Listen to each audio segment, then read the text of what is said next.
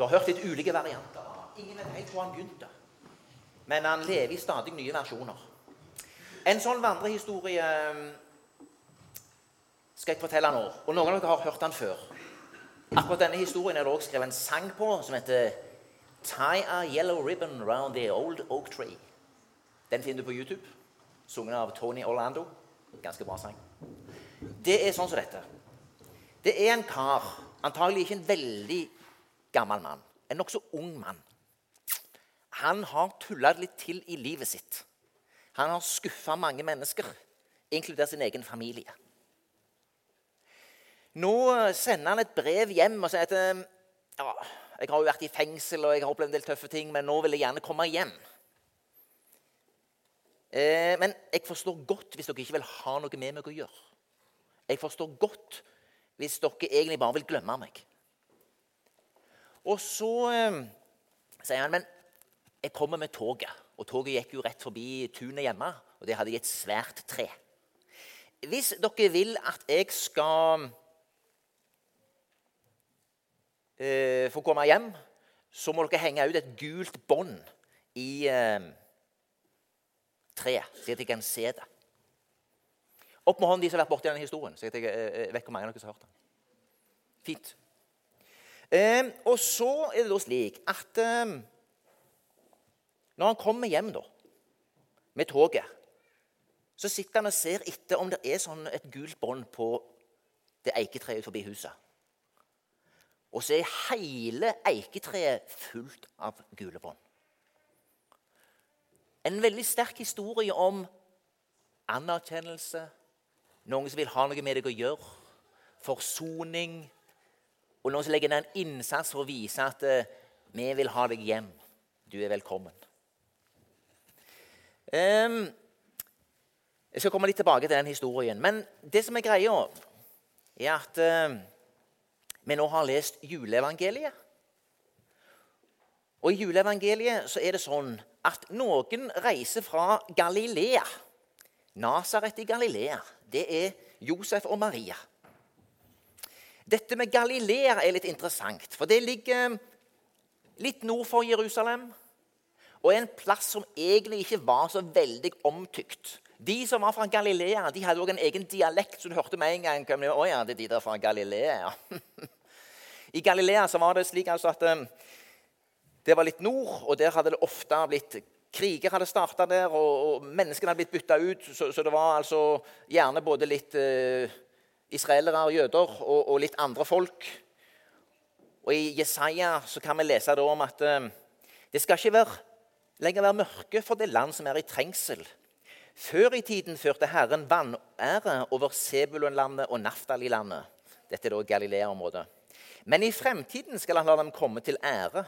Veien ved havet, landet på den andre siden av Jordan og Galilea, der andre folkeslag bor. Eller som det står i andre oversettelser i folkeslagenes eller hedningenes Galilea Og så videre. Det er folk som vandrer i mørket, får se et stort lys. Over dem som bor i skyggelandet, stråler lyset frem. Han som har skrevet dette ned, han heter Jesaja, og dette skrev han 700 år før Jesus ble født. Og Da skriver han For et barn er oss født, en sønn er oss gitt. Herreveldet er lagt på hans skulder, og hans navn skal være underfull rådgiver, veldig Gud, evig far og fredsfyrste. Så skal herreveldet bli stort og freden være uten ende. Det er sånn at eh, mange var skeptiske til det som kom fra Galilea. Vi ser eh, seinere i eh,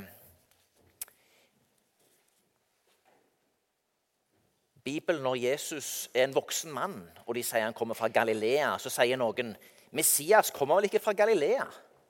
Sier ikke Skriften at Messias skal være av Davids ett og komme fra Betlehem?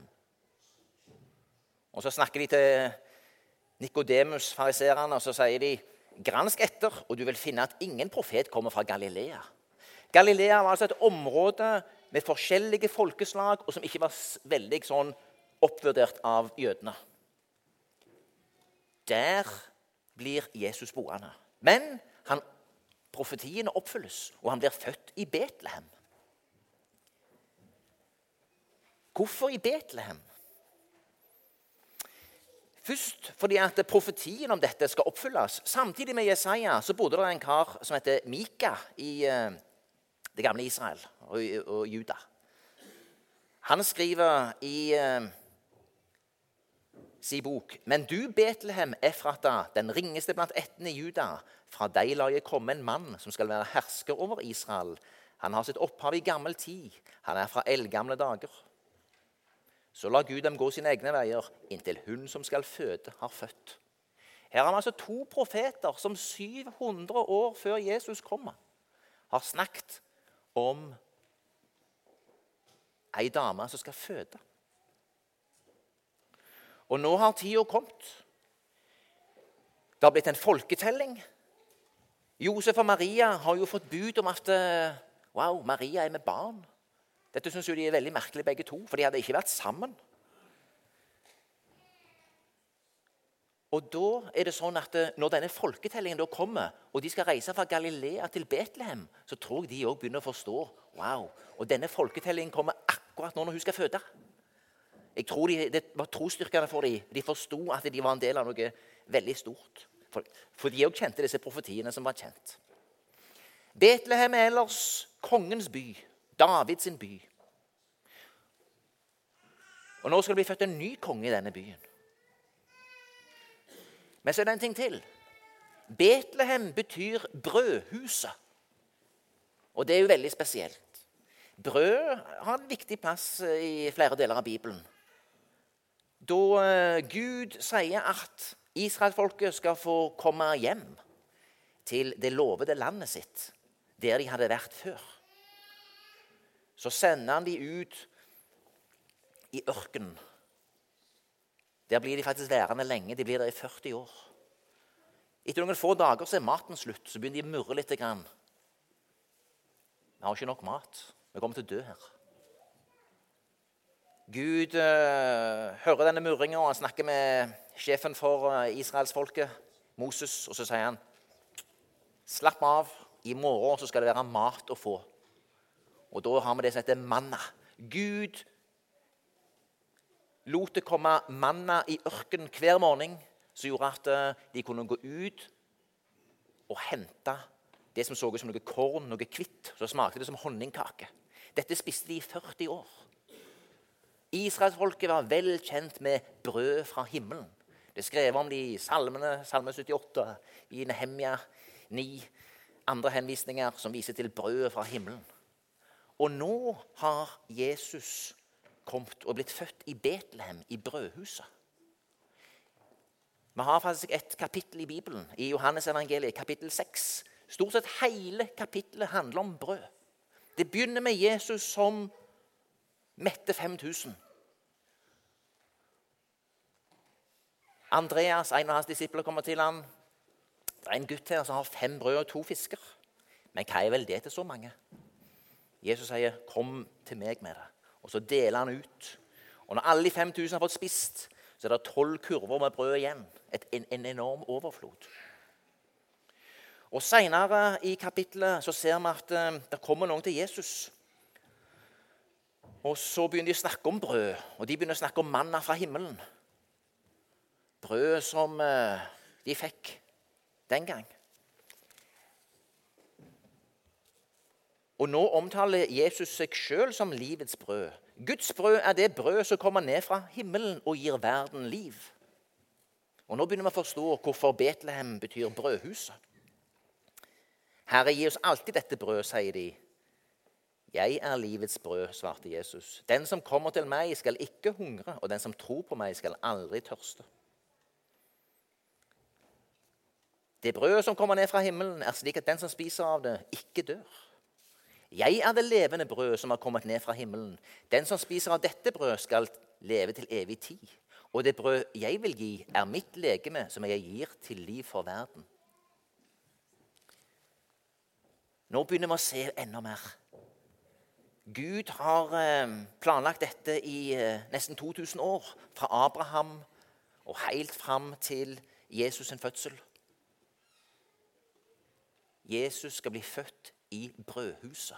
Og det skal bli tydelig at han er livets brød, som skal gi alle mat. Han skal mette alle. Vi har en fin passasje, en overgang der til nattverden. For Jesus sier i det samme kapittel For mitt legeme er den samme, sanne mat, og mitt blod er den sanne drikk. Den som spiser mitt legeme og drikker mitt blod, blir i meg og jeg i ham. Så når vi deler nattverd, så minnes vi at Jesus er livets brød, og vi får del i hans legeme. Og vi får del i hans blod med å drikke vin. Så hver gang vi har nattverd, så, så får vi del i livets brød. Betlehem, brødhuset, der skulle Jesus bli født. Så er det flere ting her som er verdt å ta med seg. Jesus kommer til oss utenfra. Vi får noe som vi ikke hadde før. Jesus kommer til jorda i jula. Den hellige ånd kommer til oss på pinsedag. Og han skal komme igjen i skyen. Og Før det så vil han komme til deg og ta bolig i deg. Og fylle ditt indre med det som godt er, og gjøre deg ung igjen som ørnen. Han kom til deg i dåpen, han kommer til deg i ditt daglige liv. Han vil komme til deg i det kristne fellesskapet. Han kommer til deg når du ber. Han vil komme til deg når du leser i Hans ord i Bibelen. Og han vil komme til deg når du synger en sang. Og Av og til kommer han til deg uten at du forsto hvorfor, uten at du hadde bedt om det, men plutselig så var han der. Men det kommer utenfra. Og slik er det nå òg. Jesus kommer til oss utenfra, fra en annen dimensjon. Så er det et par poeng til vi må ta med oss. Noe lite blir noe veldig stort. Det lille kornet som dør, blir et modent aks. Jesus sier om seg sjøl Sannelig, sannelig, jeg sier dere, hvis ikke hvetekornet faller i jorden og dør, blir det bare det ene korn, men hvis det dør, bærer det rik frukt. Så når Jesus eh, gjør brødunderet, som vi hørte om, metter 5000, så er det på mange måter eh, et bilde på det han skal gjøre videre. Han skal dø for oss, og han skal bli til brød for mange. Et lite barn blir verdens frelser. En vanlig fisker som heter Peter, blir en stor kristenleder. En kar som forfulgte de kristne, som heter Saul, blir kalt Paulus og blir en viktig misjonær og forfatter av viktige bøker i Bibelen. Sånn er det for oss òg. Det som kan se lite ut i våre enkeltes liv, kan bli noe stort. Jeg er viss på at han som begynte en god gjerning i dere, skal fullføre den helt til Jesu Kristi dag, sier Paulus i Filipperbrevet 1,6. Det som kan se lite ut for oss, bruker Gud gjerne. Et lite barn så lite og vesalt ut, men det ble noe stort og har blitt til frelse for mange. Gud kaller deg og meg òg inn i uh, fellesskap med seg, og at det som du syns ser lite ut, kan bli veldig stort.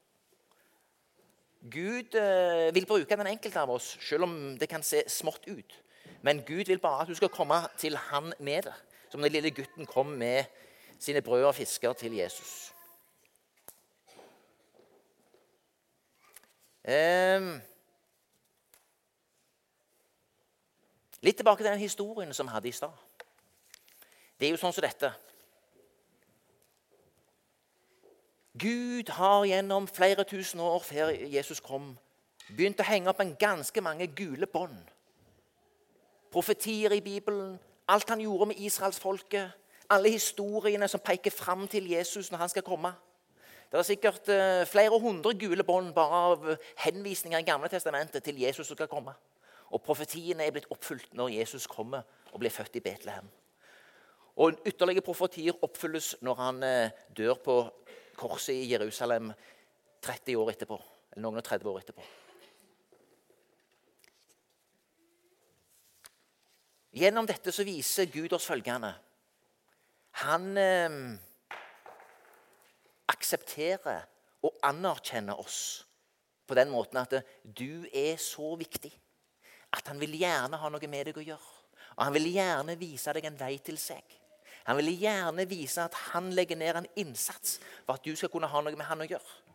Og den innsatsen han legger ned, er slik at du skal kunne finne Jesus. 'Dette er min sønn som jeg har behag i. Hør ham.' Det er det han vil. Gud har brukt lang tid på å henge opp enormt med gule bånd i dette eiketreet for at du og meg skal kunne se dette og anerkjenne Gud er glad i meg. Du og du for en innsats Gud har lagt ned for at hver enkelt av oss skal kunne se Han. Vi ser ulike ting. Det er ulike ting vi kan få styrka vår tro av. Gud har mange måter å møte oss på. Ikke alle måter vil treffe én person. Ikke alle måter vil finne én, men Gud finner sin vei til oss gjennom alle de gule bånd han har hengt opp gjennom det han har gjort i sitt ord, det vi kan lese oss til, det han gjør i enkeltmenneskers liv, der han møter ved sin hellige ånd, det han gjør gjennom fellesskapet, det han gjør gjennom andre kristne, det han gjør gjennom å bygge sin kirke over hele verden, og som vi også får være en del av her, som en misjonsbevegelse. Vi får lov til å være med sånne som henger opp noen gule bånd og viser folk vei til Gud. Se, her kan du finne han. Det er vårt prosjekt. Derfor var det han kom. Og Disse gule bånd samles på mange måter i, og blir veldig synlige når Jesus blir født. Da blir det veldig åpenbart. Wow, Gud har lagt en svær plan. Denne planen holder han på å utfolde. Denne planen vil han utfolde ved Jesus Kristus. Denne planen er noen svære greier som går over lang tid. Og dette er den måten Gud har valgt å gi seg til kjenne på. Det er på den måten han har valgt å vise seg for oss på. Det er på den måten han vil vise oss at han anerkjenner oss, aksepterer oss.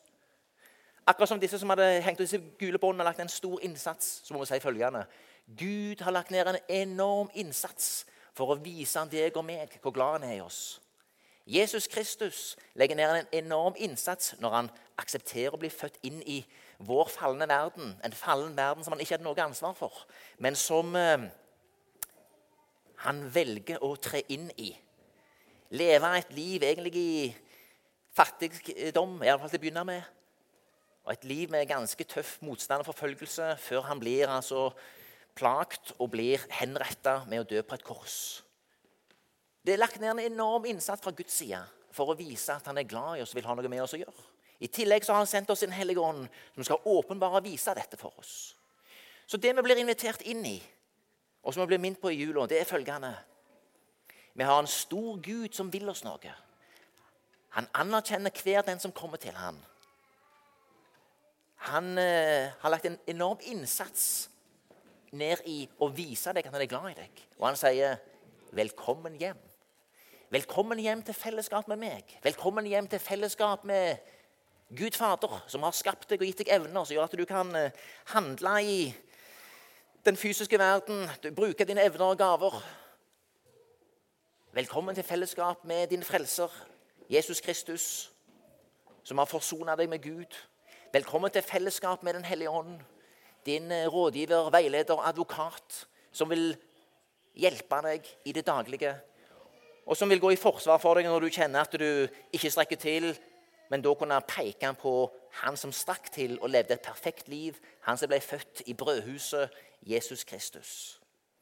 Så det er det bare for oss å si til hverandre velkommen hjem. Velkommen til fellesskap. Og vi skal si til andre som får lov til å formidle til gjennom misjon, gjennom det livet vi lever, velkommen hjem til Gud. Han har vist seg for oss. Han har hengt opp enormt mange gule bånd for å vise at jeg er glad i deg, jeg vil ha noe med deg å gjøre. God jul, alle sammen.